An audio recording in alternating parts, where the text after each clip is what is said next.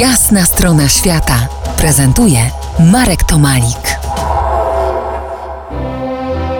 Moim gościem Maksymilian Rembisz, fascynat wypraw polarnych. Wróćmy do Shackletona.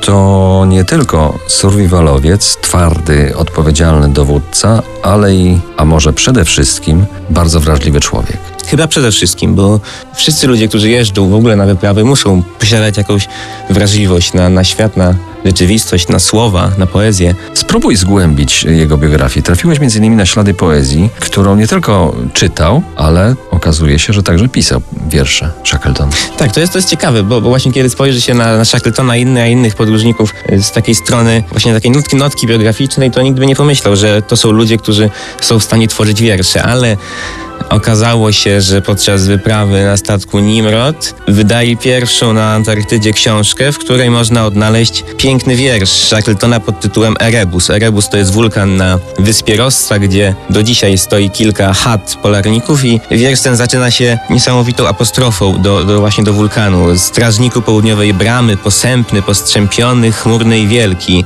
trzymający pieczę nad pustkami, których nie ma na mapie, choć lata mijają, ty trwasz. Czy takie słowa mógł napisać człowiek prosty, który umiał tylko poruszać się do przodu na nartach? Myślę, że nie. Myślę, że poezja jest jednym z kluczy do zrozumienia postaci Shackletona. A powiedz, y, próbowałeś y, poznajdywać y, inne także jego wiersze? One są ogólnie dostępne, czy to raczej jest w temacie Shackletona bardziej tabu temat i poezja jego? Jest nawet książka Shackleton Życie w poezji, tłumacząc z angielskiego. Książki nie czytałem, ale, ale ponoć jest bardzo dobra. Wiersze można znaleźć na internecie, to oczywiście trzeba troszeczkę poszukać, ale te informacje są dostępne.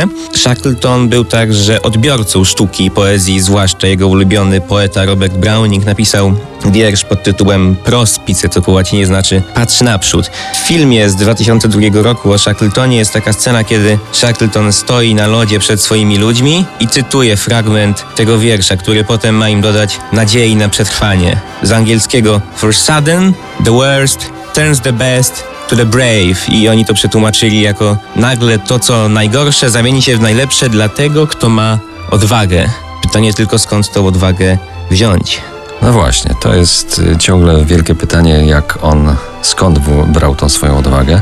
Ja tutaj jeszcze jeden cytat y, na koniec tej, tej części naszej rozmowy przytoczę. Pospieszny świat robi przerwę, by usłyszeć Twoją historię. Twoja dłoń jest spleciona z silną sławą.